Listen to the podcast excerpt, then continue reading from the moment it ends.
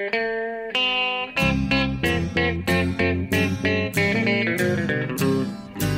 out there, we're on the air. It's hockey night tonight. Tension grows, the whistle blows, and the puck goes down the ice. The goalie jumps and the players bump, and the fans all go insane. Someone roars, Bobby scores at the good old hockey game. Oh, the good old hockey game is the best game you can name. Hallå, hallå, hallå, hallå, hallå, hallå, hallå, hallå, hallå, hallå. Yes, hallå och välkomna till NHL-podcasten med Jonathan Bambi Ekeliv. Ja, Som ni hörde just där i Stockholm och mig Per Bjurman i New York. Som vanligt. Vi ska nu spela in vårt 349 avsnitt. Ja. Ett avsnitt kvar till ett litet jubileum. Eh, 350 låter inte så dumt. Nej precis. Vi snackade ju förra veckan om att vi skulle börja trycka upp t-shirts om nu någon vill ha det. Det var i alla fall en som sa att han kunde tänka sig att beställa en t-shirt när vi når 500. Men eh, 350, vi får se hur mycket vi firar nästa vecka. Men något slags firande måste det bli. Lite tårta.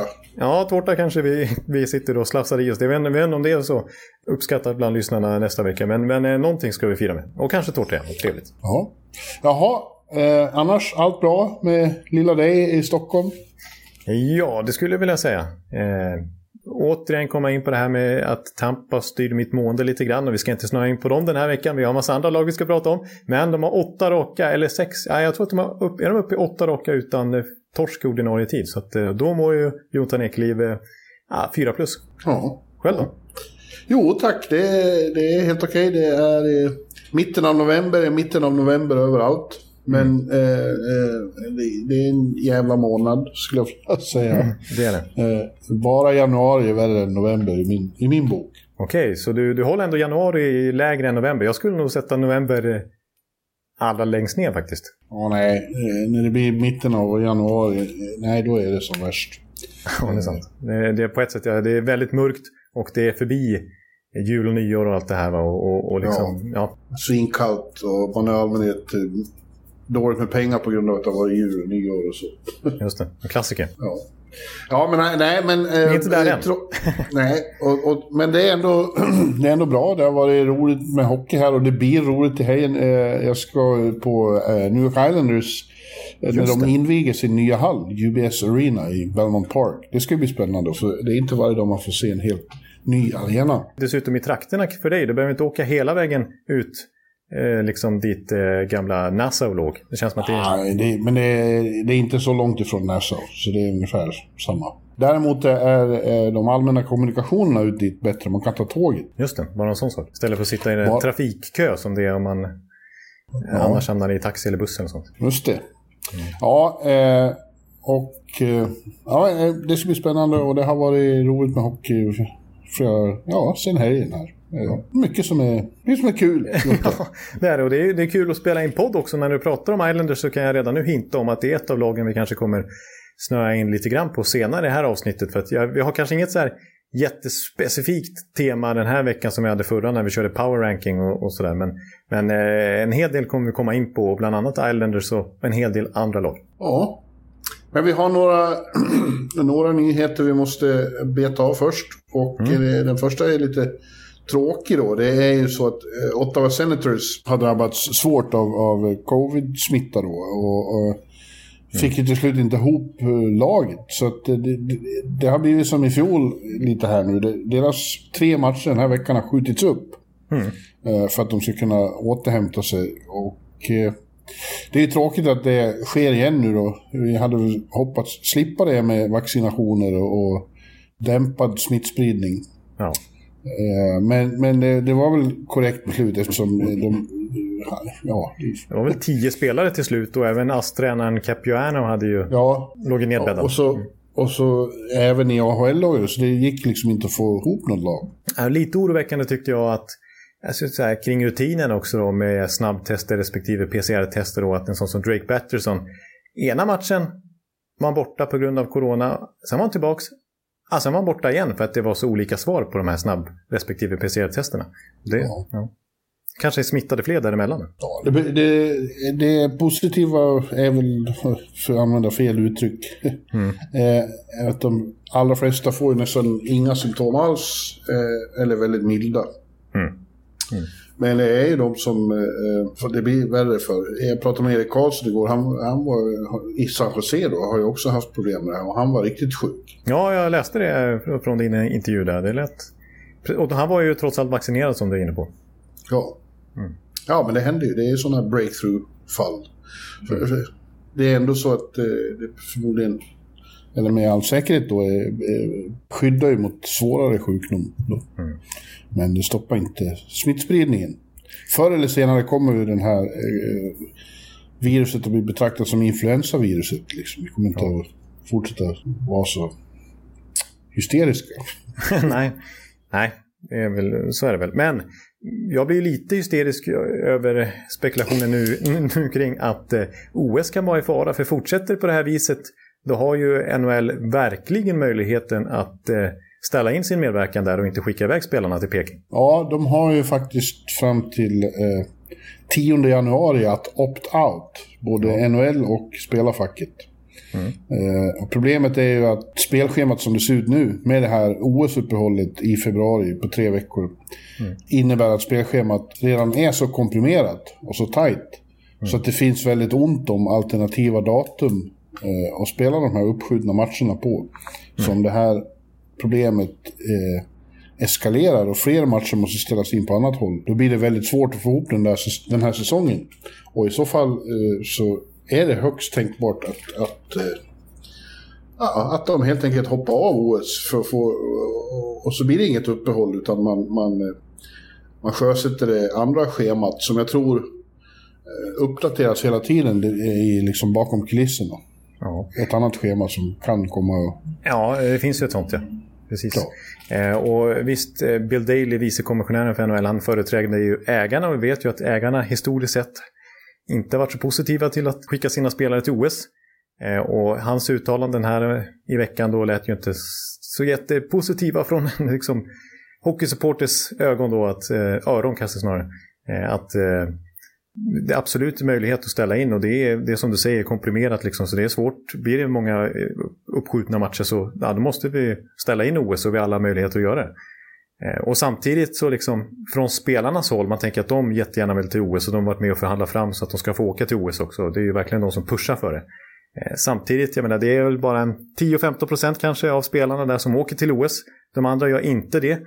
Eh, liksom, Alltså framförallt då om det skulle bli komprimerat, om det blir så att de inte ens får ihop 82 matcher, om det skulle bli sådana outbreaks liksom, av viruset. Ja, då, då kan de förlora mycket ekonomiskt på det. Eh, mm. vi är ju inne på det hela tiden, det här med escrow, att de ska dela intäkterna 50-50. Och, och i och med att det varit pandemin och, och inga biljettinkomster och allt vad, alla möjliga hockeyintäkter som ägarna drar in, så, så ligger de back. Så det, det sägs ju att spelarna egentligen är skyldiga ägarna en miljard dollar Eh, ja. sedan pandemin drog igång. Eh, och det betyder mycket escrow som ska tillbaka, alltså av escrow-pengarna som ska tillbaka till ägarna som spelarna faktiskt inte får ut. Trots att de har skrivna kontrakt. Eh, så att där, på det viset så är det säkert många spelare också som ja, inte pushar stenhårt för OS heller om det skulle innebära att säsongen måste förkortas. Ja, nej, det är nog sant. Det, det gäller ju bara de allra bästa där. Ja. Eh, inte, inte majoriteten. Nej, och liksom de spelarna som inte är aktuella för OS, de har ju inte alls så höga löner som storstjärnorna har heller. Det är ju sant, men å andra sidan, de har inget emot, de som inte ska till OS har inget emot eh, två och en halv vecka på Bahamas. Eh, Nej, visserligen, det har du ju helt rätt i. men, men eh, inkomsterna är viktigast. Och dessutom så tror jag, jag är fortfarande inte helt eh, säker på att, att de som ska till OS är införstådda med vad som väntar i, i Kina. Nej. Eh, med stenhårda restriktioner som en brutal diktatur ser till att, att de restriktionerna efterlevs. Ja. och tomma läktare, ingen kontakt med, med liksom samhället i övrigt. Man får inte se, kommer inte se någonting av Kina och deras liksom föreställning om att de kan åka och titta på skidåkning och så. Så blir det inte alls. De blir instängda på hotell och får åka mellan Hall och hotell. That's ja. it. Exakt, det var ju lite så får man säga, eller ganska mycket så i bubblorna i Edmonton och Toronto 2020 också. Men när man läser protokollen som, som ska vara där i Peking så låter det nästan som att eh, bubblorna i, i Kanada var en eh, Bahamas-semester jämförelsevis. Liksom. Ja, exakt. Så att, eh, exakt, så det blir, det blir en helt annan upplevelse än vad de kanske förväntar sig. Det har du helt rätt Ja, så vi får se. Eh, det är som sagt 10 januari. Det låter ju väldigt sent att hoppa av för då är det bara mindre än en månad kvar tills OS startar. Ja. Eh, jag tror att vi kan få ett svar på det här innan jul. Ja, och vi hoppas verkligen på OS-spelare. Det vore ju så, alltså vi, vi, vi ska, ni vet ju om vad vi tycker och ni tycker samma sak. Alltså, vi vill ju se bäst om bäst. Jag har inte fått se ja. det sedan 2016 och inte i OS sedan 2014. Nej. Det är dags. Nej, det är ett tag sedan. Ja. Eh, det är väldigt tråkigt att hockeyn är som den är. Att det inte finns något riktigt internationellt stort mästerskap som man vet blir av. Nej, precis. Så att NHL är mycket större än IHF. Liksom. Det är ju NHL ja. som sitter på makten. Mm. Ja. Jaha. Sen eh, senast, eh, vi började väl redan förra veckan prata om Bob Murray i Anaheim. Ja, då hade det kommit fram att, att han, han hade var... blivit föremål för, för en utredning. Men nu är han ju borta också. Han ja, tvingades väl åt sidan rätt fort. Och, och nu eh, har själv sagt att han ska skriva in sig för, för behandling mot eh, alkoholmissbruk. Ja. Eh, han hävdar att det är det som har lett till den ledarstil han har haft. Eh, mm. Han har ju då varit en, en sån auktoritär Captain Ahab-typ, har man ju förstått. Ja, som precis. har skällt ut människor och hotat människor och haft ständiga vredesutbrott. Och, management by fear har varit i Anaheim. Och, eh, ja. Det är bra att det åtgärdas, men det är ju bra konstigt. Han har ju varit där sedan 2000... Ja. Åtta tog han över som eh, general ja. manager. Han har ju varit i organisationen ännu längre. Ja, och nu, eh, först nu då så kommer det här fram till allas förvåning. Ägarna påstår att de har inte minsann vetat någonting om det här. Det var ju via den här hotlinen som upp, upprättades för några år sedan eh, och det är positivt att det ändå funkar uppenbarligen att anonyma anmälningar eller vad man ska säga eh, till NHL tas på allvar och att de börjar utreda Bob Murray och sånt här kommer fram. Ja. Och, och det har varit mycket snack här sista månaden om tystnadskulturen i hockeyvärlden och mycket bra som har kommit ur den debatten. Men jag tycker det är lite synd att fortfarande det är liksom ingen spelare eller någon aktiv personlighet som liksom vill prata om Bob Murray och liksom säga någonting egentligen och det, konkret om de här uppgifterna. Och så var det samma sak när, när Mike Babcock försvann. Liksom det, var ändå, det, var, det var bara före detta spelare sådär som eventuellt uttalar sig så. Det är liksom ingen som vill riktigt ta i det. Jag tycker fortfarande att det är en väldigt tydlig tystnadskultur. Liksom. Det är bara så anonymt som, som kan fälla, fälla potentaterna. Mm. Men det tar tid att bryta sådana här mönster ja. Nej, det går ju inte bara på någon vecka eller så. Det förstår jag också. Det är bra att, eh, att eh, acceptansen för, för ett sånt här beteende bryts. Det, är ju, det värsta som finns är ju den sortens eh, ledare som bara vrålar och skriker och, och liksom är hotfulla. Exakt. Det påstås ju då att Bob Murray ska skicka ett sms till spelare och ledare om att ni får sparken om ni inte gör det här och det här och så vidare. Ja. Så att, eh, ja, nej, hans tid i NHL är förbi och det var nog bra. Och Elak att, gubbe. Ja, hoppas att den här behandlingen han ska gå igenom får ordning på honom. Ja. Men eh, desto roligare att prata om Anaheim i övrigt då. För sportsligt sett i alla fall så går det väldigt bra. Ja, ska vi... Ja, kan kasta oss över det här nu. De ja. här lagen vi tänkte titta på lite närmare. Ja. Och Anaheim, nu är det väl nästan så att du får lov att, att, att ge dig här. Eh, jag vet att du har du, har ju, du kommer med dina underliggande, du öppnar på motorhuven och tittar på dina underliggande siffror. Ja. Och tycker att de är viktigare än det faktum att de har vunnit åtta raka nu.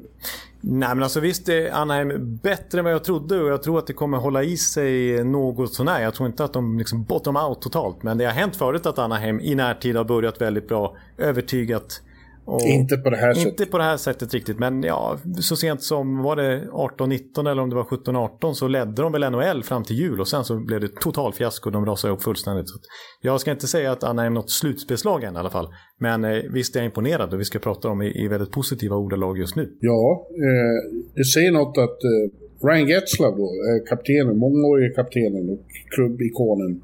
Mm. Som ju då i, i, när vi spelar in det här, gårdagens match mot Washington Han nådde sin tusende poäng samtidigt som laget då vann sin tusende seger någonsin. Ja, bara en sån sak. ja. eh, och eh, det, det, är ingen tillfällighet vad gäller Getzlav. Han, eh, vi klagade förra säsongen på att det enda Anaheim hade gjort var att resigna honom, att de la som vikt vid det. Mm. Och vi tyckte det var konstigt. Men han har alltså redan på de här matcherna lika mycket poäng nu som han hade på hela förra säsongen. Ja, han är alltså 18 poäng på 17 matcher. Över point per game till och med. Det är visserligen bara ett mål, men det är 17 assist. Ja, vi ser någon slags nytändning där av fint format. Uh, och, ja. Ja, kul att se. Han är ju verkligen älskad där. Och han har ju varit i Anaheim hela karriären. Ja, Ja, precis exakt och han hade ju då chansen i somras att byta klubb. Fick ju till slut det ekonomiskt bästa budet också av Anaheim. Det var därför han, ja, delvis därför han stannade men då sa han att han tyckte det var lite smickrande att faktiskt vara free agent för en gångs skull och se andra klubbar komma med bud till honom. Men så, ja, han ville ju trots allt stanna kvar där i karriären ut verkar det som då. Eh, och ja, absolut som du säger, det har varit mycket, läst många kommentarer om honom den här veckan då när han varit extra aktuell med sin tusende poäng. Eh, en eh, lite rolig historia från tidigt i NHL-karriären, eh, Stanley Cup titeln 2007, Temucellen är en anekdot. Ja. Såg du den?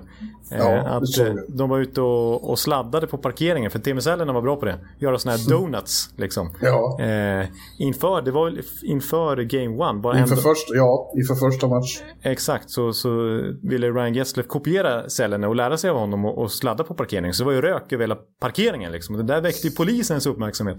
Så de kom ju dit och liksom, eh, och då när, när Gessler satt i, i bilen där och såg dem komma stormande mot, mot honom och, och så blev han ju nervös och sa till Sällene liksom att vi, fan vi blir ju arresterade. Vi missar ju game one här. Det här, det här kanske inte kommer undan med faktiskt. Eh, men de, när de förstod att det var Sälen och Getzleff som satt i bilarna då, då, eh, ja, då var det okej okay ändå. Ja, de sa att de försöker vara lite smartare nästa. Men det hade varit... Ja. Det hade skakat till rätt duktigt om inför den här första matchen. För att, nej, Getzlav och, och Serenen sitter i, i häkte. De kan inte spela första matchen. Nej, precis. För de har varit ute och sladdat på parkeringsplatsen här igår. ja. Så att, eh, ja. ja. Det var för övrigt den första Stanley Cup-final jag såg någonsin live. Game one eh, i Anaheim, i Honda Center. Precis, det var stort. Du, du var säkert, ja, du stack säkert ifrån den där parkeringen bara någon halvtimme innan de började sätta igång. Liksom. Ja, nej. Det var ju inför... Jag kom... Eh, det var Ja, du kom på matchdagen kanske? Ja. Just det. Ja. Ja, Nej, men ja. absolut. Eh, hatten av för Ryan Getzlaff och hatten av för Troy Terry. Vad är det som händer? Ja, det har vi väl delvis varit inne på lite. Att, där har vi en spelare som har... Han har ju varit med i flera år. Han är ja. 25, va? 24. Ja, han är ju inte... Liksom, det är ingen tonåring vi pratar om. Nej. Men han får plötsligt då ett, eh, eh, det är ett breakthrough, en genombrottssäsong av eh, ganska oväntat ändå. Ja, det får man säga. För det har jag varit inne på tidigare i podden också. Kanske redan då när det var aktuellt, alltså i våras, att, att han var ju tradebait från Anaheims sida. Det, de var, man var ledsna på att, att det aldrig lossnade för honom. För att visst, det har varit en supertalang i, inom organisationen. Man har trott väldigt mycket på honom, men det har inte lossnat. Och som sagt, kunde mycket väl ha rykt i våras någon gång vid deadline då. Men nu som sagt då, han är ju toppen av poängligan. Över 20 poäng hittills. Så vi har ju poäng i match efter match. Jag vet inte hur många raka matcher han gjort poäng i egentligen. ja, men, uh, uh, ja, det är några stycken. Men samtidigt då också, honom har jag varit inne på lite tidigare, uh, Trevor Segras. Det var ju ja. han som ordnade då den här uh, tusende segern igår. Det var ju hans förtjänst. Ja. I samspel med Sonny Milano. Din, din favorit. På ja, fast nu håller Segers på att segra upp som en stor personlig favorit också. Eh, han kvitterade till 2-2. Nej, han skaffade ledning eh, mot Washington i tredje perioden. Sen kvitterade Tom Wilson i slutet, men på övertid slog Segers till igen. Mm. Eh, och han verkar ju vara en sån enastående rolig eh, karaktär också. Du menar utanför isen? Nej, på isen. Ja, på, ja, på isen, ja. Det var ju här i, för, i helgen hade de ju mickat upp honom. Ja. Eh, och det var helt underbart att höra. Käften går hela tiden. Ja, det har jag missat faktiskt. Att han är ja, en sån han, personlighet. Eh, ja. Dallas Eakin sa det. Var, eh, eh, we, can't, we can't get him to shut up. i, i, i båset eller runt. Han sa that's why we love him. Han får alla att skratta hela tiden. But he uses up a lot of words every week. Okej, okay, det är så. Annars vet jag ju apropå liksom en rolig underhållande spelare på isen, det vet vi ju redan. Men bara en sån sak som på uppvärmningen när han står och latchar och har sig. Det kommer ju roliga klipp, eller eh, imponerande klipp kanske snarare. Från JVM då när han stod och latchade på med pucken. Och så har det sett ut i NHL också. Så det kan nästan ha varit entrépoängen, poängen, entrépengen bara det. Att, Tre poäng. ja, att, att stå och kika på Trevor Seagrass eh, då. Ja, han, han verkar vara en, en riktig estradör, en sång och dansman. Nej, en sång och dansman och sådana gillar ju Baloo. Ja. ja. Ja, men jag, jag håller med dig om att eh, jag är imponerad av Dax, absolut. Och jag ska inte hålla på och mecka för mycket där under motorhuven och plocka fram och skruva isär och förstöra dagsfansens hopp här. För det ser någorlunda bra ut och det är mycket som stämmer och så vidare. Men, men absolut, en sån som Terry till exempel, han kommer inte fortsätta göra mål på 30% av sina skott. Och generellt sett visar Vem vet, det, ibland händer det. Ibland ja, blir det William Karlsson-effekt. Ja, precis. Men eh, över, över, tid så är det svårt att se att de här siffrorna som Anaheim radar upp ska räcka liksom 82 matcher. Men, men absolut ser det hyfsat ut. Det är, det är inte bara fluk. Eh, och det, det, är kul att, att fler unga också börjar ta steg. Alltså Isak Lundeström har gjort en... en... Jag skulle just nämna honom, ja. tänkte jag. Han har fått ett litet genombrott i år också. Ja, en sån som Mason McTavish är redan, håller på redan på att etablera sig i NHL. Det kanske var en liten bonus. Han draftade dem ju så sent som här i somras liksom. Så att, eh, ja. Det är bra fart på vår gamla vän Hampus Lindholm också. Eh, ja. Pratade med honom här han sa att det var så fruktansvärt roligt att spela nu. Eh, det tar ju lite tid och han har en ny backpartner där i Jamie Drysdale. Också en supertalang ja.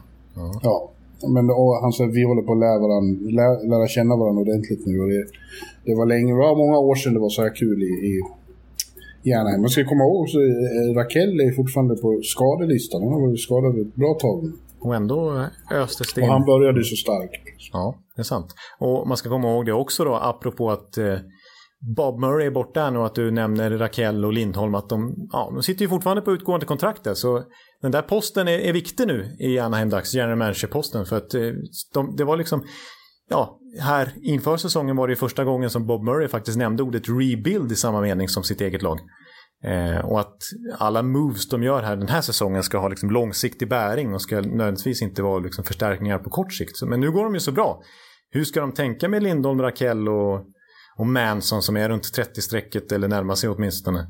Ska de liksom satsa den här säsongen helt plötsligt nu eller ska de liksom fortsätta den här rebuilden och, och, och skeppa och få, få ett bra utbyte för en sån som till exempel Hampus Lindholm som naturligtvis skulle generera stort intresse?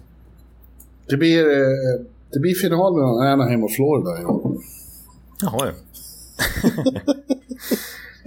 Det hade du inte räknat med. Finaltips nummer nio tror jag att jag har kommit upp i nu. Från Per Bjurman. Är, men vi ska upp i 25 ungefär innan, innan, du, innan du slår fjolårets. Ja. ja, men de, le de, alltså, de leder ju nu eh, Pacific före Edmonton och Calgary och Los Angeles. Det är ändå, eh, det är ändå anmärkningsvärt. Absolut, eh, absolut. Och vi närmar oss Thanksgiving ju. Det är ja. bara någon vecka bort, eller två. Och Ja, det är nästa vecka. Ja, ja, du ser. Och vi har inte ens nämnt, eh, vilket ju naturligtvis en, en man som måste hyllas, John Gibson. Har man en så bra målakt ja. eh, så, så, så har man ju starka förutsättningar också. Så att, eh, han måste vi hylla också. Han, eh, vi har lyft hatten för, för några stycken och även för John Gibson, absolut. Jag skulle vilja säga att rent allmänt så är det det positiva med att vi ändå har så pass många lag som har överraskat positivt mm. och är mycket bättre än vad vi trodde. Att det känns som den här, att det kommer att vara väldigt jämnt den här säsongen. Ja, det har du rätt i. Det är sant, för eh, de kanske tappar lite och topplagen, kan, eller de förväntade topplagen kanske ökar lite. Det känns som att det kommer bli en väldigt, ett rejält getingbo i inte bara någon enstaka division som vi hade räknat med utan kanske lite här och var, även i Pacific till exempel. Där ja. ju Anaheim håller till. Ja, eh, och det är ju intressant. Du, du sa ju, jag pratade med Victor Hedman häromdagen. Mm. Apropå att de har tagit eh, poäng där i åtta matcher i rad. Det började ju inte så bra. Eh, och han instämde helhjärtat i den här teorin, teorin du och jag har eh, trummat på för ganska mycket. Ja. Om att det inte nödvändigtvis betyder så mycket om det går bra i början. Nej. Men det betyder mycket om det går för dåligt. Eh, och att man hamnar för långt efter kan bli väldigt jobbigt att ja. komma ikapp sen. Eh, och han nämnde ju då eh, 16-17 som ett eh, bra exempel. 2015 spelade de final, 2016 spelade de konferensfinal och året därpå missade de slutspel för att de startade så dåligt. Och sen sa han det kändes som vi vann varje match de sista 15 omgångarna, men det hjälpte inte i alla fall. Nej, precis. Jag tror de missade slutspel med en eller två poäng eller något sånt där. Men det var ju verkligen att de satte sig i skiten ordentligt här under hösten. Och trots att de gjorde en så stark avslutning så räckte inte det för ett lag som Tampa. Liksom. Det är lite bortglömt i den, man nästan kan kalla det för dynastin som Tampa har byggt upp. Att de faktiskt missade slutspel till och med ett av dessa år. Ja, det är värt att tänka på framförallt för Dallas och Colorado Islanders känner man nu som har harkat lite liksom snett. Ja, vi kan nästan komma in lite på de lagen. Det, det, kommer vi absolut att göra. Mm. Ja, vi, kan, vi kanske ska vi, vi ta kan ta Islanders då. Ja, ta Islanders. Ja. Mm.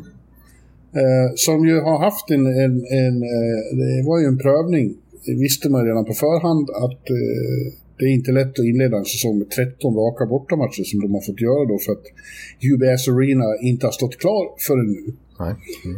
Eh, men det har ju, de har ju, det har ju gått okej okay, liksom, under fram till i oktober eh, var det liksom som förväntat ungefär. Ja. Men sen har det börjat, långsamt börjat svaja för att eh, helt kollapsa på slutet med fyra raka förluster. Ja. Mot Minnesota och New Jersey fick de stryk med 4-0 och sen den hemska resan ner till Florida. Då.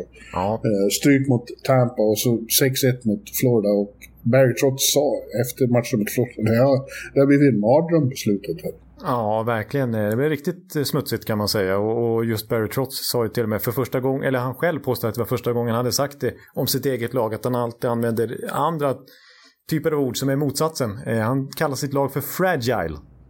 Ja. Det har vi, det menar, det är, så har vi inte lärt känna New York Islanders under Barry Trotz. Men, men mot, eh, ja, mot Florida tyckte han att de var veka liksom. Det, det var, ja, det, det var, var den sämsta matchen sen han kom till dem tills han började, sen, sen han började eh, restaureringen av det här laget.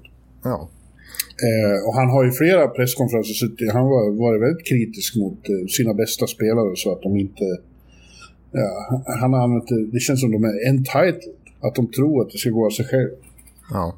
Ja, Nej, det är klart. Det har inte varit någon eh, vidare... De har gjort väldigt lite mål, Islanders. Det är bara Arizona som har gjort färre mål än vad Islanders har gjort. Och när deras försvarsspel då dessutom inte fungerar som de alltid kan luta sig mot, ja, då, då blir det ju inte alls bra. Så som det såg ut här i de sista matcherna som sagt. Då. Eh, men absolut, eh, en sån som Matt Barzell. Jag tycker, när man ser Islanders spela så tycker jag ändå han imponerar. Men han har bara kommit upp en 7-8 poäng hittills. Eh, ser, ut lite som att han saknar Jordan Eberle som ändå har varit hans lekkamrat i flera år. En sån som Cal Palmieri som var tänkt att ersätta Eberle här. Eh, han, han gjorde ju sitt första mål i den där Florida-krossen. Eh, det var, mm. han, annars, innan dess stod han på noll mål. I den matchen så var det faktiskt så att 12 av 18 Islanders-spelare bara hade gjort ett mål, eller till och med noll mål. Eh, så de har haft väldigt svårt med produktionen och som sagt ingen, ingen vidare defensiv här sista tiden heller. Sen hur mycket det beror på eh, liksom systematiskt eller om det helt enkelt har att göra med att de var inne på match 11, 12, 13 på bortaplan. Det väger väl in ja. också. Ja, jag, jag har ju... Jag tänker inte dra allt för stora slutsatser av det här. Det är fortfarande Islanders, det är fortfarande Trots som coach. Mm. Och jag tror ju, som de själva nu hoppas då, att, att uh, det innebär ett lyft att få komma hem och äntligen inviga den här arenan. Få spela för sina passionerade fans äntligen ja. för första gången. Det är ju det är ju en kraft i laget, bara det. Uh, Islanders-supporterna. Precis, och nu är de av med 13 uh, bortamatcher den här säsongen. Det är en väldig övervikt med hemmamatcher som väntar resten av vägen. Ja, exakt. Uh, och uh, det var ju intressant att se när de, när de till slut kom hit och spelade mot Devils då. Mm. För helgen. Då var det ju absolut fullsmockat i The Rock. För då hade ja, Islanders-fansen vallfärdade dit för de har inte fått se sina hjältar än. Ja, just det, de har inte fått se dem sen Tampa skickade ut dem. Nej, så det kommer nog bli ohyggligt bra stämning på lördag. Ja, shit vilken hype. Tänk dig att hålla på, på det laget och komma in i en helt ny arena byggd enbart för Islanders för en gångs skull. Alltså ja. den, är, den är ju... Det, ja, liksom, ambitionen var ju att bygga den bästa hockey, renodlade hockeyvärlden Hockeyvärlden. Hockeyarenan, hockeyvärlden sett. Tvekeliv. Tvekeliv, ja, där blev det tvekeliv. Ja. Där tvekar jag ordentligt. Ja, och du ska ju alltså dit i helgen, det blir spännande. Då får, vi, Ja, eh, ja, får man vara inne i bloggen. ja, det ska bli eh, är riktigt exalterad över det. Mm. Eh, men samtidigt, eh, igen då, de, de har hamnat eh, på, lite på efterkälken nu, så det gäller ju verkligen att börja mata in poäng. Ja, precis. Exakt. De kan inte, som eh, liksom entitled apropå det, de kan inte bara tro att det löser sig av sig självt nu. Utan det, det krävs riktiga Islanders arbetsinsatser här för att eh, ja, jobba igen med det de har tappat. Så att säga. Ja, men det är inte, det är inte de lättaste matcherna de får starta med. Då. De har Calgary på, på lördag och sen direkt Toronto på söndag. Mm. Och sen väntar derby mot Rangers. Eh, Ja.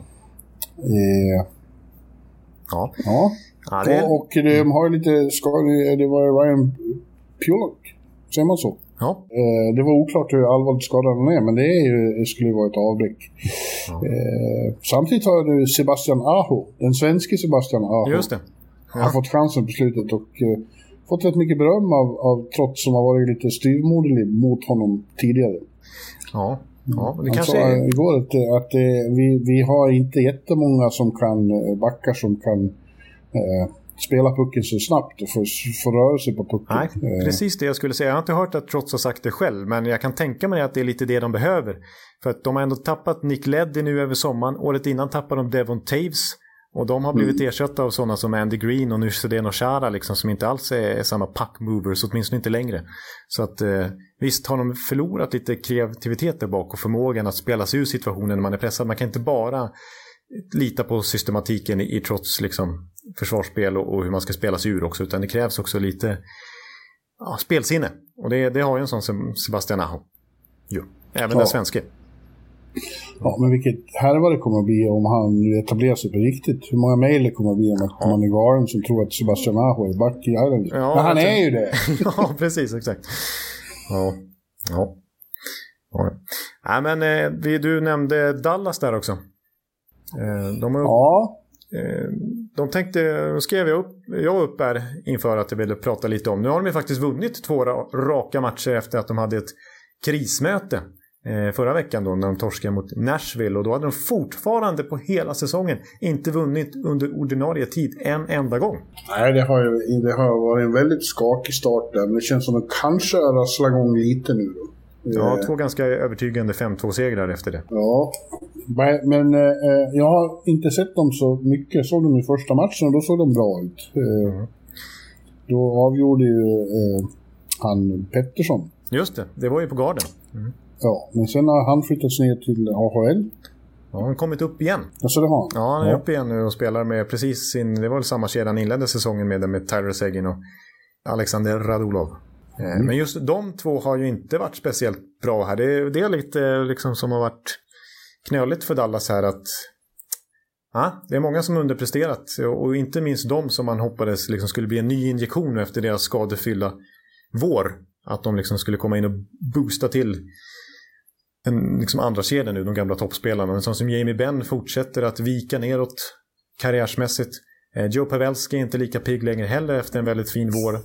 Eh, Du slår fast saker. Det är just nu det ser ut så. ja, just måste- nu är det i alla fall så. så de måste skärpa till sig, veteranerna i laget. Och en, en sån som Roope Hintz ju, som var point per game och jättesuccé under våren. Han har inte heller varit speciellt bra hittills. De enda som... Av två spelare som egentligen har imponerat, det är Miro Heiskanen som gör en, en bättre säsong nu och är riktigt bra. Eh, och så är det Jason Robertson som kommer tillbaks från skada i början på säsongen och, och, och är point, drygt point per game sen han kom tillbaks och avgjort lite matcher och sådär. Men eh, det finns många där som måste steppa upp. Klingberg har inte producerat särskilt mycket heller. Nej, lite småskadad också och fortfarande inte gjort mål den här säsongen till exempel. Så att, eh, nej, det, Rick Bonus var riktigt irriterad där. Jo. Eh, Ja, det finns ju till och med, det muttras ju här och där om att han kan vara i loss. hot seat. Absolut, det känns som att om det fortsätter eh, lite svajigt nu så, så är han absolut en kandidat till att rycka. Ja, det vore tråkigt. Man gillar ju honom. Ja. Han verkar vara en väldigt sympatisk människa. Ja. Men generellt sett så har man haft lite, lite otur kanske också. Det, det, det har varit extremt många jämna matcher de varit inblandade i. Eh, under oktober där, jag, jag tror bara under oktober spelade de sex matcher som gick till övertid.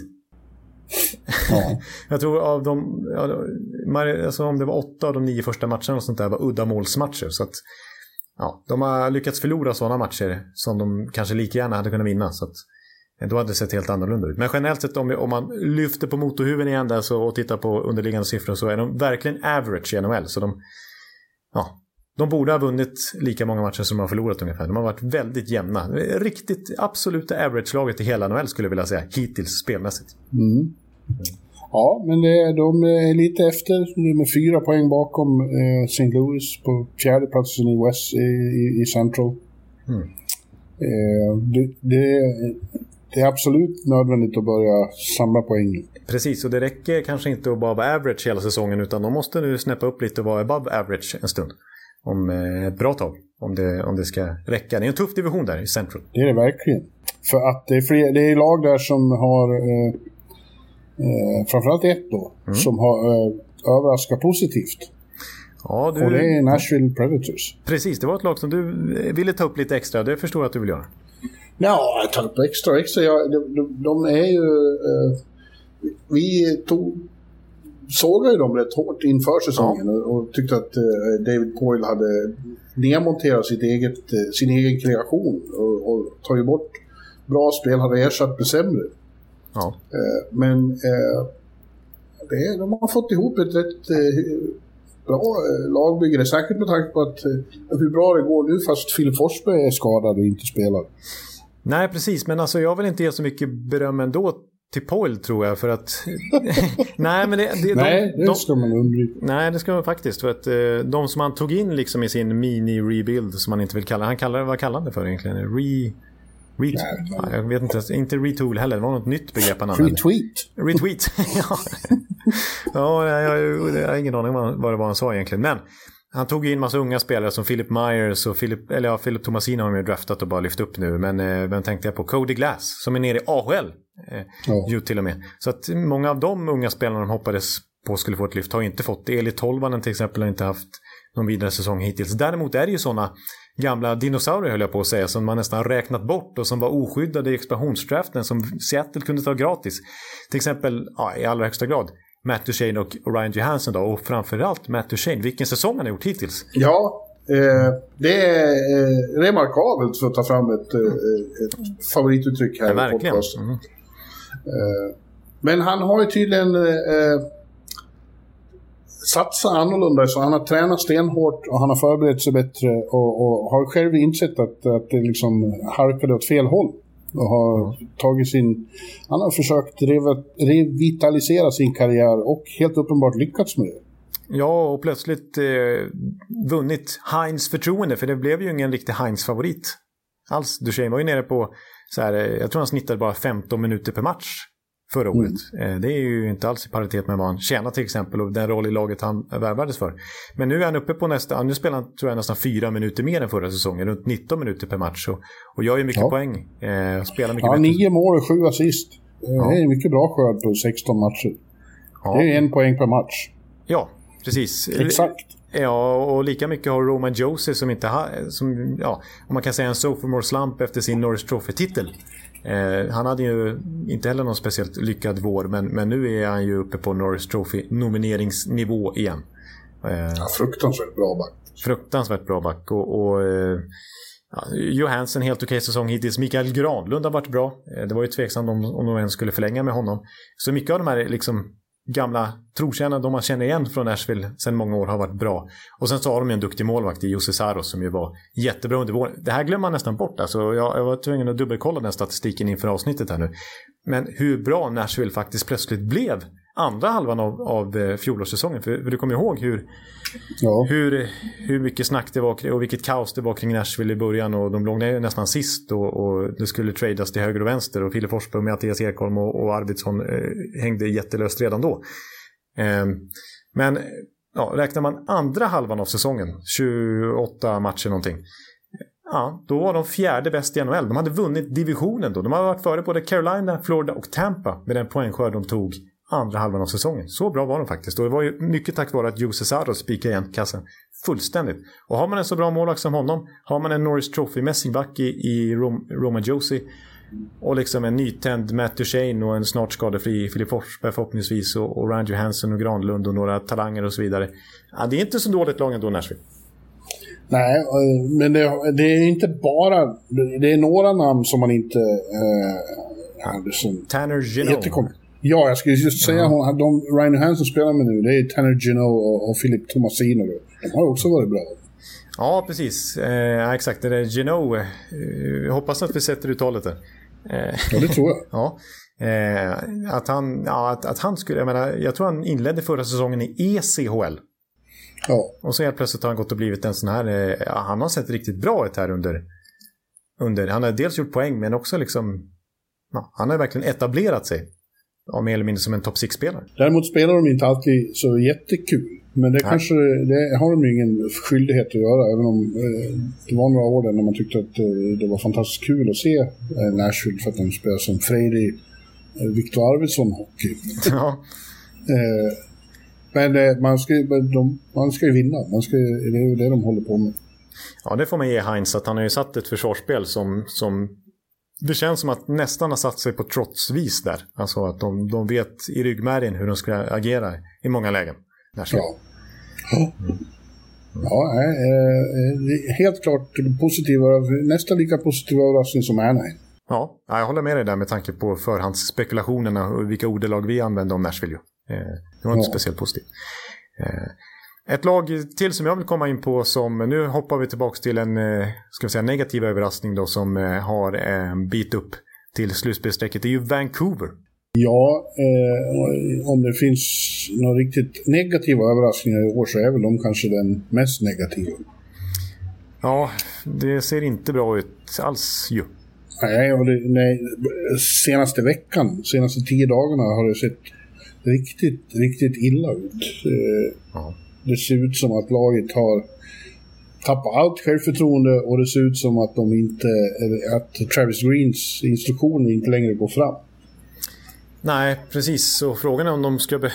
Ja, rent objektivt sett kanske de borde göra en, en förändring på, på tränarsidan. Men framförallt borde de väl, tycker jag, varit inne på flera år, på GM-posten. Och en sån som Jim Benning ger ju ytterligare ett underbetyg till sig själv om man sparkar Green nu när, efter att ha förlängt med honom för mindre än ett halvår sedan. Ja, det, det, i, i tisdags här då så fanns det ju eh, förhoppningar om att något sånt skulle ske för att ägaren hade kallat Benning till möte. Ja. Ja. Men det var inget annat än att han ville veta varför det går så dåligt. Ja, precis. Ägaren tyckte så här, fan, vi spenderar till taket. Eh, ni tog in eh, en sån som Ekman Larsson till exempel, som jag ska betala 50 miljoner dollar de kommande sex åren. Så här. Alltså, jag satsar mycket på det här laget. Vad, vad håller du på med, Benning? Eh, mm. Men eh, de kom bara fram till att eh, ja, vi ska fortsätta ha patience och det är ju ett rätt så bra lag på pappret ändå. Det här kommer lösa sig ungefär. Ja, fast det börjar bli ont om tid och, ett stort problem är ju att så många av dem, deras bästa spelare ser ut eh, helt håglösa ut. Eller det man ser i blicken på sådana som Elias Pettersson och, och Brock Baser och, och Bo Horvath. Att ja. eh, de, de, ja, de squeezar klubborna. De vill så gärna eh, eh göra skillnad, men de klarar inte av det. För de, från Elias är det lite ledsamt att se att han är så har så dåligt självförtroende. Ja, precis. För det är väl just självförtroendet. Annars brukar det vara ett lyster kring honom. Eh, det brukar ja. lysa av, av självförtroende där. Och, och eh, väldigt få, få liksom misslyckade perioder i hans karriär fram till nu. Eh, jag menar, han lyckades ja. ju liksom i Timrå slog han igenom och sen så var det direkt jättesuccé i, i Växjö och så direkt jättesuccé i Vancouver och sådär. Eh, men nu, nu har det tagit tvärstopp får man säga och han är väl inne i sin absolut sämsta period i NHL-karriären nu när man trodde att han bara skulle ta nästa kliv snarare. Eh, ja, när han är skadefri. Och, men eh, han missade ju campen och, och eh, han, liksom inte riktigt, han har inte kommit in i den här säsongen. Det har blivit, och så känns det som att det har blivit snöbollseffekt mentalt då. Att ja. han, vill ta, liksom, han vill mer och mer men, men presterar mindre och mindre på grund av det kanske. Eh, jag såg någon, man ska inte övertolka det här, men någon som satt och kollade på en morningscape med, med Vancouver och Elias Pettersson där, där, där liksom han fick ett jätteläge, Pettersson, och sköt typ två meter utanför. Ja, fast det där är så Vancouver, sitta och titta på träningar och, och Ja, det är Vancouver Media och, och, och ja, förstår upp det. Ja, det är, det är ja. så mycket Vancouver Media det kan bli. Ja, nej, men eh, ja. Men han är, det är något frustrerat över hela hans eh, liksom, utstrålning nu. Ja. Och, eh, det, behöver, det behöver ändras. Inte minst inför OS då, om vi nu ska ha ett sånt. Det ska vi komma ihåg, för vi vill verkligen ha en Elias Pettersson i Elias Pettersson hög form. Eh, som ju kan vara ja. väldigt hög, det vet vi ju. Eh, när det är Peking-dags i februari. Eh, men eh, jag ska nämna en eh, kort underliggande statistikgrej med Elias Pettersson som liksom bekräftar den här bilden. Alltså, han startar, han får en väldigt offensiv roll, han får verkligen chansen av Travis Green att blomstra offensivt. Eh, om vi tar bort alla flygande byten och eh, byten som han startar i mittzon, bara offensiva zonstarter och defensiva zonstarter, då är det 80% han startar i offensiv zon. Fyra av fem byten startar han offensivt och trots det har han alltså negativa underliggande siffror här. Alltså, när det kommer till exempel till expected goals som visserligen är lite luddigt men jag tycker det har hyfsat bäring statistiskt. Ja, då ligger han bara på 43 sämst av alla toppspelare i Vancouver. Alltså, han förväntas bara, förväntas bara göra 43 Vancouver-mål på isen. Han är inne på isen och motståndarna 57 och, och trots då att han startar så mycket, mycket offensivt eh, och får börja där liksom ändå så, så driver han verkligen inte spelet utan tvärtom så, så hamnar oftast i, i egen zon till slut. Så att eh, Nej, det, det, är inte mycket av de siffrorna som tyder på att han har haft otur eller att han är på, på rätt väg. Utan tvärtom så, så ser det inget vidare ut alls för Elias Pettersson den här hösten hittills. Nej, det är tråkigt. Mm. Ett, en, en ljusglimt är Nils Höglander. Han är första kedjan och, och, och gör det bra. Ja. Eh, det är ingen man egentligen ska liksom hoppas på som den som leder offensiven. Eh, men nu gör han det i alla fall. Eh, samtidigt som han är den här sargkrigaren Ja, precis. Jag sa för någon vecka sedan när vi pratade lite med Cougar snabb, kortare segment. Nu använder jag ordet segment. Eh, men att han kallas i Vancouver Media för Mr Fixit den här hösten. Att ja. Där man stoppar in Höglander, då får man en kedja att funka åtminstone. Och i den här hemska roadtrippen nu i veckan som gick där man så torskade med, ja, de släppte in sju mål i två matcher och avslutade med 1-5 mot Anaheim då. Då gjorde åtminstone Höglander mål i varje match. Så att Ja, han är åtminstone en ljusglimt som du är inne på. Verkligen. Ja. Men vad tror du om eh, Green då? Han har ju varit där rätt länge nu. Eh, och eh, det kändes som att det hände något bra där i slutspelet i bubblan i, i Edmonton. Men det är det enda han har liksom, att visa upp tycker jag. Ja, jag tycker ju att, att eh, det ska rensas på managementposition. Jag har ju varit på Benning jättemycket men jag tycker inte han är värd att få utse en ny coach utan att, att hans jobb ska ryka dessförinnan. Det ska komma in en ny manager som utser en ny coach och att man börjar om lite grann i Vancouver på ledarsidan. Ja. Jag, jag, har, jag har inte förtroende för Benning att, att ratta det här eh, laget varken på kort eller lång sikt. Eh, men eh, general manager-byten mitt under säsong är väldigt sällsynt. Ja, men äh, jag är för mm, i det här vill fallet. Se det. Ja, jag vill se det. Ta in Jeff Gorton eller sånt där. Det finns ju hyfsade namn på den eh, position, positionen att plocka ja. in. Mm. Gorton och Boudreau. Ja, då, då kommer det, det ljusare dagar i Vancouver vill jag påstå direkt. Ja. Ja. ja, jag tycker att det är något... Jag har ju länge klagat på att det är något grinigt och frustrerat över hela Travis Greens eh, sätt att vara. Snacka om att inte kunna sätta ett försvarsspel, Green. Alltså, de kastar in mål bakåt och 62% i boxplay den här säsongen. Hallå? Ja, nej, special teams har ju varit ett väldigt problem. Mm. Mm. Ja, det, är... Det, är, det, är inget kul. Nej, du gillar ju inte butter, buttergubbar i båset. Du var ju på Bill Peters mycket där och fick rätt. Nu ska vi inte säga, nämna honom i samma mening som Travis Green visserligen. Men, men eh, ja, du vill ha lite mer Nej, jag, karisma. Jag, jag tror att det är lättare att bryta sådana här eh, negativa trender genom att vara eh, med, med, glädje och, eh, och liksom lättsamhet än med en, en sån här surputter. Ja, det känns som att eh, Elias Pettersson behöver spelglädje just nu. Det är den han har tappat. Ja, mm. ja verkligen. Mm. Bruce skulle liva upp saker och ting. Verkligen, det tror jag skulle vara en eh, stor nyckel till... Eh, alltså han skulle passa perfekt för Elias Petterssons spel och karaktär. Det tror jag. Som han en gång gjorde när han tog över Washington Capitals. Oj, där kom en sån Bjurman segway. ja. Eh, när han kom in då, eh, Beckys andra år, mm. så, eller första året rent av, mm. så, så blev det ett enormt lyft. Mm. Uh, nu behöver de inga sådana lyft för att uh, Washington går ju, är ju också en positiv överraskning. Vi var ju lite uh, flisiga mot dem innan säsongen också och tyckte att det här gamla laget kommer få det svårt. Men eh, Ja. det har de inte fått. Därför att den äldsta gubben där, han blir ju inte äldre. Han blir bara yngre han. Ja, det skulle man kunna tro. Alltså, Alexander Ovechkin 27. Inte 36. Ja. Ja. Nej, alltså jag skulle vilja hävda att eh, det är ingen... I princip ingen skillnad alls på Alex Ovechkin nu och för tio år sedan. Nej. Han har inte förlorat någonting i klippet i steget. Om något har han ju blivit bättre eftersom han eh, jobbar så hårt över hela isen. Ja, ja verkligen. Och, och, Och skottet, hungern och skottet och alltihop är ju liksom intakt. ja, ja det, det har jag inte tappat någonting om. Trots det här, vill jag, det här tycker jag är extremt anmärkningsvärt. Alltså han har gjort 24 poäng. Den enda som ordentligt skuggar väl McDavid och Dreisaitl där i toppen av poängligan och, och skytteligan dessutom då naturligtvis. 11 mål, eller 12 mål har han väl gjort. Eh, inget av dessa 12 mål har varit en klassisk one-timer från hans kontor där i vänstra teckningscirkeln. Inte ett enda mål, varken i powerplay eller 5 mot 5. Inte ett direktskott. Utan det har varit... Har inte gjort ett enda sånt mål. Inte ett enda direktskott eh, i vänstra teckningscirkeln. Nej. Ja, det är ju... Det har varit returer och snapshots från andra vinklar. Det har inte varit direktskott. Liksom. Bara två mål i powerplay faktiskt. Ja. Att, eh, mm.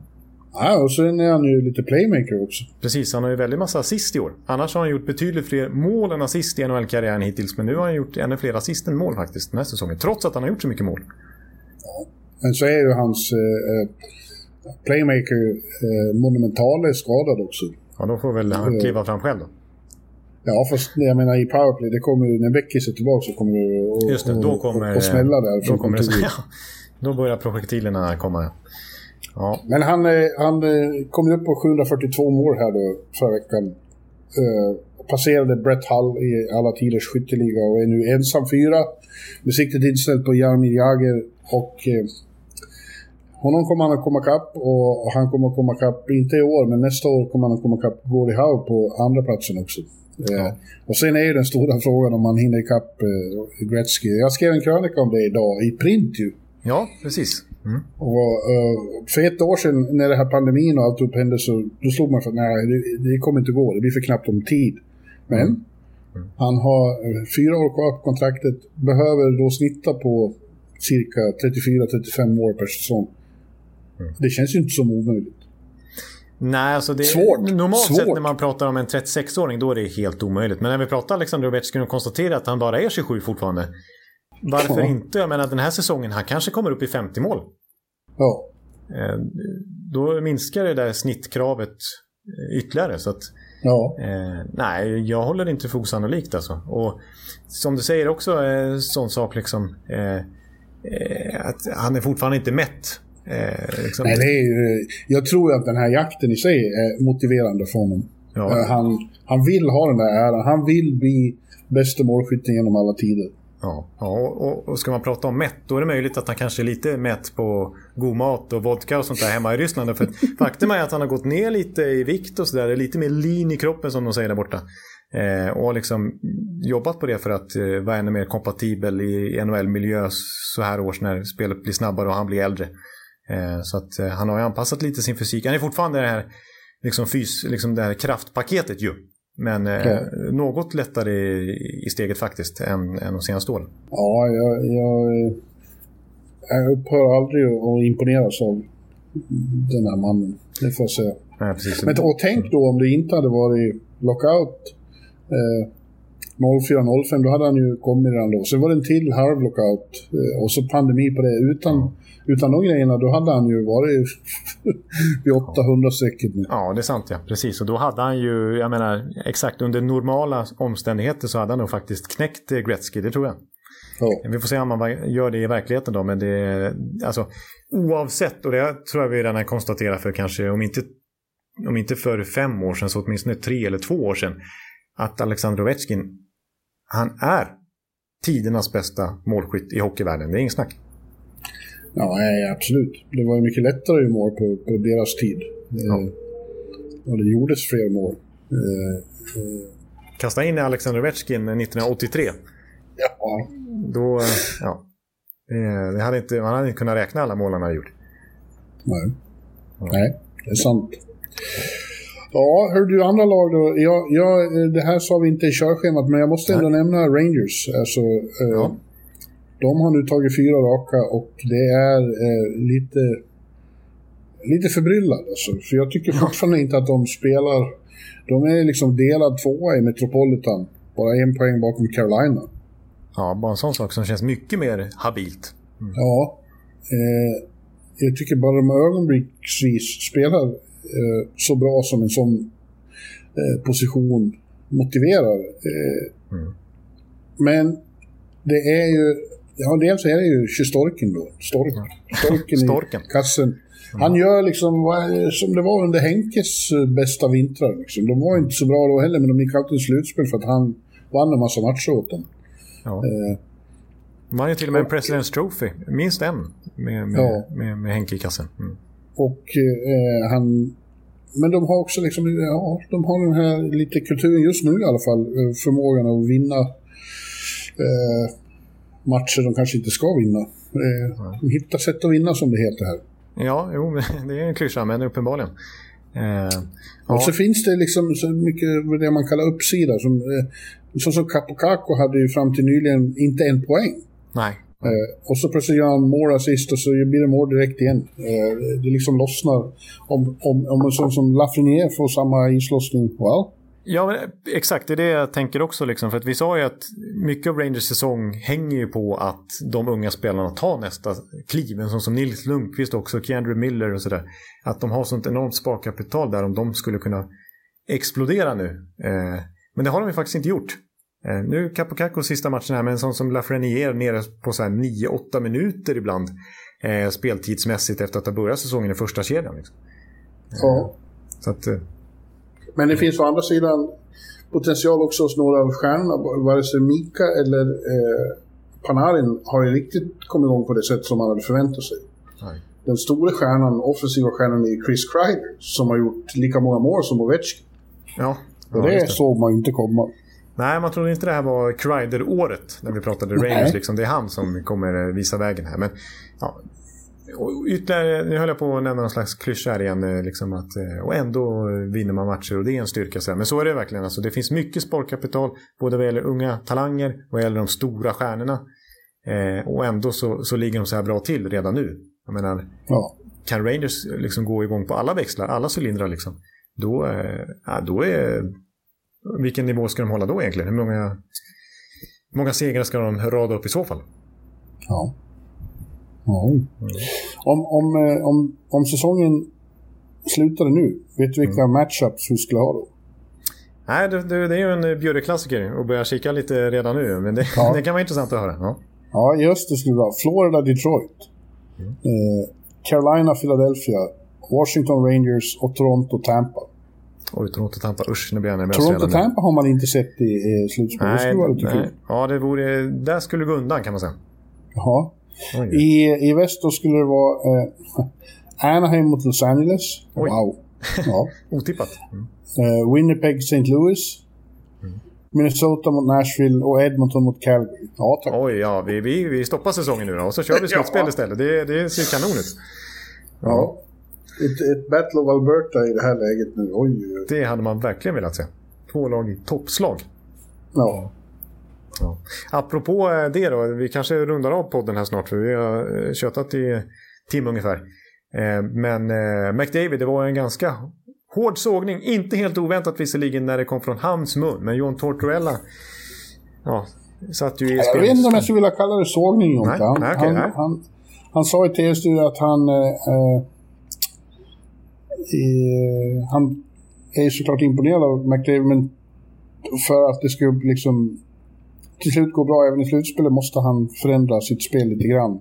Och mm. eh, spela bra även på andra sidan pucken. Ja, precis. You can't just fill the nets in the, in the playoffs and expect to win. You gotta, you gotta play on the other side of the puck. Och det, det men det, ja, jag vet att ni, ni Eh, fnissade ni stadsmänniskor. Men det är lite sant, det var ju lite det som hände med Ovechkin 2018. Ja, alltså precis. Alltså, till viss del håller jag med om det. Och, och sen var ju Tortorella snackade mycket om det här också. Om eh, att han inte tycker att Conor McDavid ska hålla på och slösa energi på att klaga på att han inte får utvisningar med sig. Och, sådär. Eh, och det är, det är en gammal Bjurre-käpphäst också, att då är man illa ute när man börjar lägga energi på sånt. På domarna till exempel. Eh, han borde men... också sluta göra saker som han gjorde igår när han blev grinig. Eh, ja. Det var en väldigt ful axel eller armbåge i ansiktet på Neil Pionk. Han gör lite sådana eh, fulgrejer ja, ibland faktiskt. Ja, han gör det. Att han blir frustrerad liksom. Ja, precis. Men man kan hålla med om lite grann McDavid att Ja, men det är ju så det funkar nu, så då kanske man får anpassa sig till det. Även om jag tycker att det inte borde vara så att domarna sväljer pipan lite grann i slutspel. Alltså en sån som McDavid som ju väldigt få kan stoppa när han får upp farten har, har inte dragit, har fått med sig en utvisning då på åtta slutspelsmatcher. Liksom. Eh, och det, det, gillar han ju inte. Och det eh, har ju cirkulerat klipp då på liksom solklara utvisningar tycker man, men som inte har blåsts i slutspel. Eh, men eh, Ja, nej, visst har man en liten poäng i alla fall, Tortorella. Och visst kanske vinklades lite felaktigt i många medier efteråt då att, liksom, att man jättesågning av Tortorella. Att han ska förändra sitt spel totalt och bli någon slags checker. Men när man lyssnar på Tortorella så säger han ju inte det. Det är ju mest beröm. Och han säger ju verkligen inte att, att eh, McDavid ska liksom bli någon fortliner liksom. Utan det är bara att han... Ja, vissa justeringar. Och kanske lite mindset också. När det väl blir slutspel. Annars i grundserien måste vi nämna det nu. Det, dels så blev man ju sjätte snabbast i NHL-historien att nå till 600 poäng, vilket ju är extremt imponerande i den här eran som vi var inne på med Ovechkin också, att det är svårare att göra mål och poäng numera. Mm. Men också då, om man räknar tillbaka från förra säsongen som var förkortad, så på sina senaste 82 matcher då, inklusive förra säsongen, som är en normal säsong är 82 matcher, så har han gjort 150 poäng. 150 poäng! Ja, ja det, är, det är fantastiskt. Men Torrella framhöll, han, var, han sa sig vara mer förtjust i Barco i Florida. Det kanske han säger för att han vill ha jobbet. Ja, det, du, det, det, det tror jag kan finnas en liten sån baktanke där. Ja. Men apropå Barco så kom just beskedet att han, han eh, fick ju lämna eh, isen igår eh, när Josh Bailey hade knä mot knätackling. Ja. Och nu är beskedet att Barco är week to week. Aj, aj. Ja, han, ja. Mm, han är synd. För Florida som ju annars har en väldig bredd dock. Men, men Barkov är ju kronjuvelen i, ja, det är han verkligen. Det är inget snack om saken. Vi måste ändå när vi, alltså, ja, fort, inte ens vi, eh, inte ens vi, nu lät det som en jättehyllning till oss. det var inte så jag menade. Eh, men alltså, vi, vi, vi, nämner inte tillräckligt ofta tycker jag ändå Leon Draisaitl i skuggan av Conor McDavid. Han har alltså gjort 17 mål på 15 matcher. 17 mm. mål på 15 matcher. Han leder i poängligan 4 poängs marginal till Conor McDavid. 33 eller 34 poäng står han ju på just nu. Leon Draisaitl. Eh, ja, det är ju, och, och visst, de flesta poängen är i kombination med, med McDavid, men till exempel 5 mot 5, alltså 42-procentigt powerplay har de i Edmonton, det är helt galet. Eh, och det är ju Dreisaitl och McDavid då. Men även 5 mot 5 så eh, ja, har han en point per game med Leon Dreisaitl. Då har mindre än hälften av poängen har McDavid varit inblandad i. Så att han fortsätter att visa att, att han absolut inte är någon produkt av McDavid utan Leon Draisaitl är, skulle jag vilja säga, världens näst bästa spelare. Förbi Nathan McKinnon vill jag säga nu. Det är de ja, just den här säsongen. Nathan har haft det lite... Ja. ja det var mycket skador och så. Ja. Men han kommer... Ja, visst, de har kanske världens bästa one-two punch. Ja, det är åtminstone det. Det är väl i klass med Crosby Malkin i sin peak. Uh, the two-headed monster som nu har ja, eh, kanske typ i sin peak i sina karriärer nu. De två, skulle jag vilja säga. Synd att det inte verkar som att de har roligare. De ser bara sura ut på alla presskonferenser. ja, det är... Lite taggiga så här, liksom. Tycker alla frågor är dumma. De kanske kan... Lite, lite Travis Green-aura nästan. Ja, det kan kanske... Smile boys! Ni är världens bästa på ishockey, är inte det kul? Nej, precis. Nej, jag håller med. Jag håller med. Ja, eh, men du, eh, ska, vi, ska vi säga så? Ska vi klappa igen butiken och eh, säga det för den här veckan och sen se fram emot eh, avsnitt nummer 350 av NHL-podden nästa vecka? Ja, och då får vi rapport från eh, UBS Arena. Ja, du ser det. Men det passar ju bra. Ja, och så laddar vi för kalkonen då. Det är ju som sagt Thanksgiving nästa vecka. Just det. Då, då kommer jag vara i Boston eh, faktiskt. För att, eh, det är matiné, Black Friday matiné. I Boston. Det var länge sedan jag var i Boston, så det ser jag också mycket fram emot. Du ser, du ser.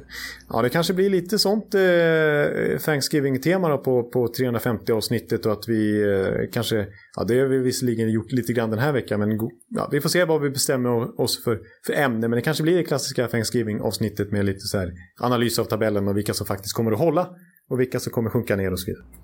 Har du varit i Boston? Du, eh, jag var där dagen efter att Trump blev vald till eh, president i USA. Så det var kaos på gatorna och jättesvårt att komma fram till hotellet och sådär. Va, vad gjorde du där? Du var på hockey? Jag var, jag var på en hockeymatch. Sen hade jag en kompis då som är extrem NFL-fan. Så vi var ute i, vad heter det, det här... Ja, Foxborough. Ja, ja, satt i minus 11 och tittade på Patriots mot Seahawks faktiskt. Mm. Ja, jag tänkte på uh, framtida roadtrip här i vår. Uh, men det, då ska vi inte vara i Boston. Ja, jag, jag, jag gillar dock från... Boston som stad. Jag tycker det är en cool Ja, absolut. Men vi ska åka från Seattle till uh, San Jose, till Vegas, till Arizona. Ja, precis. Ja, det, låter, det, det låter trevligt. Det låter varmt och skönt på slutet där också. Morsomt. Det är hyggligt, väldigt koselig. Morsomt. Mm. Ja. ja. Eh, det ska vi planera nu när det går. För du är vaccinerad och kan åka hit, eller hur? Absolut. Så. Ja, bra. Ja. Gott. Men du, eh, då tackar jag för den här veckan då. Vi säger så för nu och så återkommer vi som sagt nästa vecka med 350. Och tack alla som har lyssnat på oss den här veckan också, så hörs vi snart igen. Ja, tack så mycket. Hej, hej! Hej! Hallå, hallå, hallå! Hallå, hallå, hallå! Alex Chiazot, Joe Luis Arena och Esposito. Esposito. Uttalsproblem, men vi tjötar ändå. Och alla kan vara lugna, inspelningsknappen är på. Bjuder Hanna Kohl, han är grym i sin roll. Från Kållesoffan har han fullständig kontroll på det som händer och sker. Det blir ju allt fler som rattar in hans blogg. Och lyssna på hans podd. One, two, time, speed, so Hallå, hallå, hallå! One, two, time, speed, so Hallå, hallå, hallå! Ekeliv, som är ung och har driv. Verkar stor och stark och känns allmänt massiv. Han hejar på Tampa och älskar Hedman. Sjunger som Sinatra. Ja, och det ser man. Nu är det dags för refräng. Dags för magi, Victor Norén. Du är ett geni. Så stand up at home and remove your hats. Höj volym, för nu är det plats. One, two, time, speed, so Hallå, hallå, hallå! One, two, time, speed, so Hallå, hallå, hallå! One, two, time, speed, so Hallå, hallå, hallå! One, two, time, speed, so Hallå, hallå, hallå! Det är otroligt länge sedan båda samtidigt var så här bra. Hallå, hallå, hallå! Det är otroligt länge sedan båda samtidigt var så här bra.